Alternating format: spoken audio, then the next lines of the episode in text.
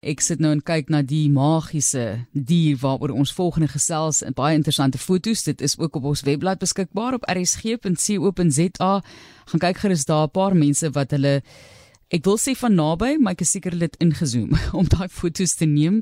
Mens kan natuurlik nie te naby kom nie, maar die baie interessante slang arend waaroor ons volgende gesels en dit is 'n redelike groot spesiegroep en Ons het 'n dokter wat ons bietjie meer daarvan gaan vertel, Wes-Oos en Suidelike Afrika waar hulle voorkom en hy gaan vir ons uitbrei oor hoekom hulle so krities bedreig is. Dis dokter Christian Brink, hy's roofvoël en groot landvoël projekbestuurder by BirdLife SA. Ons het al met hom gesels en ons gaan nou volgende kuier, soos jy daar gehoor het, ons gaan Noord KwaZulu-Natal se rigting want hulle word gevind in die duinwoude daarso. Hoe interessant is dit nie? Baie welkom Christian. Dankie Matlies. Goeie goeiedag vir jou en jou luisteraars. So gee net vir ons 'n bietjie insig in die slangarende Dr Brink want dis baie ek het nog nooit gehoor van 'n slangarend nie. Ek het ek moes twee keer lees en 'n koppelteken tussen insit want ek kon nie uitwerk waaroor dit gaan nie, maar die dubbelband spesifiek dan nou slangarende. Vertel vir ons 'n bietjie meer van die spesies. Ja, so die uh, slangarende oor die algemeen is maar so 'n medium grootte ehm um, arende oor en hulle het gewoonlik anders as ander arende wat gewoonlik vere het tot by hulle voete of op hulle voete het hulle half hierdie kaal bene en hulle bene en hulle het die kort tone en dis maar deel van wat kenmerkend by hulle is baie keer. Maar die dub, dubbelband slang arend woon, woon al langs die kuslyn van Oos-Afrika van basies Somalië tot en met uh Noord-KwaZulu-Natal wat die mees suidelike punt is waar hulle voorkom. En ehm um, ja, hulle is maar soortgelyk in grootte uh as die langkyf arend vir diegene wat weet hoe daai ene lyk. En uh ja, hy's uh, grys, hy het 'n grys kop en hals, uh, grys uh breinbande van hulle bors af ondertoe, dan hulle donkergrys rug en stert en dan twee ligter bande op die stert en dit is basies waarvandaan hulle naam kom.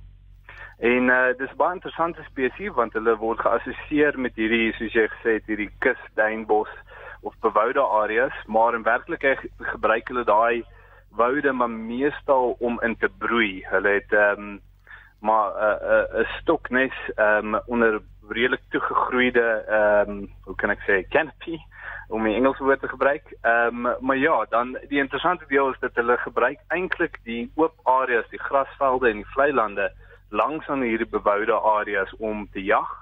Uh hulle begin hulle eiers lê in Augustus, Oktober en hulle maak slegs een klein ding groot. Ehm um, en soos die naam aangedui het, eet hulle meestal slange, maar ook uh akedisse en paddas. Ehm um, ja, en jy kan hulle gewoonlik op die rand van 'n van die bos uh gewaar waar hulle gewoonlik van 'n stok of wat ek al sou sit en uitkyk vir prooi oor hierdie oop areas langs hulle dan. Soos ek verstaan, migreer hulle nie eintlik nie, maar hulle is wel nomadies en oor kilo oor 200 km lyk like dit my kan van hierdie groepe dan gevind word as ek dit maar so kan stel. So uh, hoekom is dit die geval dink jy dat hulle wel nomadies is? Ja, so ehm um, wanneer jy waarskynlik verwys is van die jonger voël, so wat gebeur is die ouers sal 'n jong voël grootmaak en daai jong voël moet nou sy eie grondgebied gaan soek en uit sy ouers se grondgebied uh uittrek. So die voëls wat ons nou al ons het nou twee voëls uh met satelliettoestelle uh gemonitor en ons die ons is die eerste mense wat hulle basies uh hulle beweging so kon dophou. En van wat ons gesien het, het hulle maar eintlik die die volwassenes baie klein grondgebiede. Hulle hulle beweeg eintlik oor 'n radius van rondom 3 km is hulle grondgebiede. So baie klein, maar die die jonger voëls sal dies wees wat bietjie verder gaan om te soek vir vir nuwe areas waar hulle self kan vestig. Dit is interessant ook hulle hou daarvan om op hulle eie te wees soos ek verstaan en selfs die broeipaartjies word nooit sommer op dieselfde plek saam gesien nie. Ja, soos meeste roofvoëls is hulle maar half so ek wou amper sê enkel lopend. Dit is nie 'n uh, 'n voël wat te sosiaal verkeer soos kom ons dink jou parakiete of jou papegaaie en so 'n groot groepe rondvlieg nie. Ehm um, meeste roofvoëls ehm um, doen dit maar so en dan sal ja, die die volwassenes sal gewoonlik so 'n bietjie ehm um, afskeid neem van mekaar en ehm um, half uh jag deur die dag. Hulle sal gewoonlik binne roepafstand of of uh of wat ook al wees van mekaar of ehm um, binne dieselfde grondgebied. Ehm um, maar ja, hulle hulle behoort altyd terugkom na dieselfde nes uh en so. So hulle is hulle is hulle lyk alleen, maar hulle is gewoonlik altyd bewus van waar die ander een is uh oor die algemeen. So kom ons gesels oor hulle bedreigde spesies titel wat hulle nou eintlik het. Hoekom hulle bedreig is? Ek wil natuurlik sê ek dink ek weet reeds is ons wat hulle bedreig, maar goed, gee jy net vir ons hierdie insig asseblief oor die dubbelband slangarende. Hoekom is hulle so bedreig? Ja, dit is net soos jy sê, so op die oomblik in in Suid-Afrika is hulle krities bedreigde spesies. 'n Spesies, hulle is een van die 6 uh roofvol spesies wat krities bedreig is in Suid-Afrika. En deel van die rede is want op die oomblik het ons minder as 50 volwassenes uh oor die land en dis uh, dis wat op die oomblik gedink word is maar baie keer bietjie van 'n raaiskoot. Ehm um, op die internasionale uh rooi lys vir die IUCN se rooi lys is hulle geklassifiseer as byna bedreig. Uh en daar's 'n beraamde 600 tot 2000 volwassenes oor. Ehm um, maar ja, daar's nog baie min navorsing gedoen oor die voël. So daar's nie ons nie baie uh, selfvertroue in party van hierdie ehm um, populasie grootes wat uh, wat voorgestel is nie. Maar die redes vir die bedreiging is maar grootliks as gevolg van die, die historiese habitat transformasie. Ehm um, reg oor KwaZulu-Natal natuurlik was daar grootskaalse habitat transformasie. Ek meen mense kan maar net dink van hoe baie suikerplantasies en denneboomplantasies mens reg oor die provinsie sien.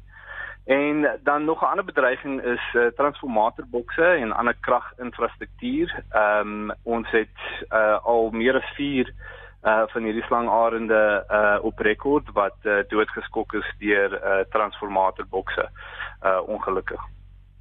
Wat doen julle? Gee vir ons 'n idee van BirdLife SA se betrokkeheid en wat julle doen. Ons gaan nou 'n bietjie gesels natuurlik oor hoe die publiek kan help in hierdie saak, maar wat is julle planne om hierdie saak om te keer? Eerstens probeer probeer ons van 'n navorsing doen, ehm um, sodat ons aksies altyd deur wetenskap geondersteun is en dis die beste kans het vir sukses. En ehm um, in verband daarmee probeer ons byvoorbeeld 'n akkurate idee kry van hoe groot die Suid-Afrikaanse populasie is sodat ons dit ook kan monitor. Ehm um, ons is ook besig om ehm um, deur middel van ekologiese modellering te kyk waar daar nog goeie habitat vir hulle is en teen watter tempo dit verlore gaan. Ehm um, en dan is ons ook besig om sekere bedreigings vir die voëls aan te spreek. Ons het byvoorbeeld so 2 jaar terug in samewerking met Eskom seker gemaak dat 62 van die transformatorbokse beveilig word uh wat 'n skokgevaar ingehou het vir hierdie voëls en dit is basies uh, transformatorbokse wat in die kern van uh waar hulle voorkom soos die ideale habitat uh was en uh, al hierdie transformer transformatorbokse het basies lewendige jumper cables gehad ehm um, wat ehm um, redelik naby mekaar is en 'n groot gevaar ingehou het vir hierdie en klomp ander voëls ook.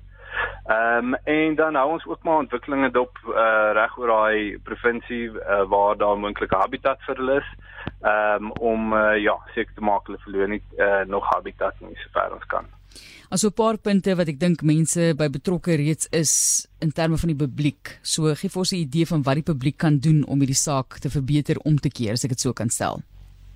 Ja, so ons luisteraars kan ons help ehm um, deur basies ons oor op die grond te wees. Ehm um, ons het ook 'n uh, uh, wat ons noem die Snake Eagle Big Day wat ons gaan reël um, vir elke jaar wat in beplan is om Januarie plaas plaas te vind. Basies die laaste naweek van hierdie maand en dit is basies 'n inisiatief waar ons soveel mense moontlik probeer uitkry in moontlike uh, habitat vir hierdie slangarende en waar hulle dan basies net um, ons laat weet as hulle hierdie slangarende sien. En uh, dit doen ons basies deur die Bird Lasser app. Nou dis basies 'n toepassing waarop jy voels noteer wat jy sien. Ehm um, en dan moet hulle net seker maak hulle ondersettings is opgeskryf op die BirdLife South Africa Threatened Species Cause. En dan basies wat gebeur is enige bedreigde spesies wat hulle sien en log op daai toepassing, ons kry daai data en dit kan ons navorsing ehm um, basies uh, inligting verskaf vir ons navorsing. So uh, almal kan uh, ons data ag ons uh, webtuiste besoek. Daar's meer inligting daar oor die Snake Eagle Big Day. Ons sal graag wil hê soveel mense as moontlik uh, daar buite hê um, op soek na hierdie arende.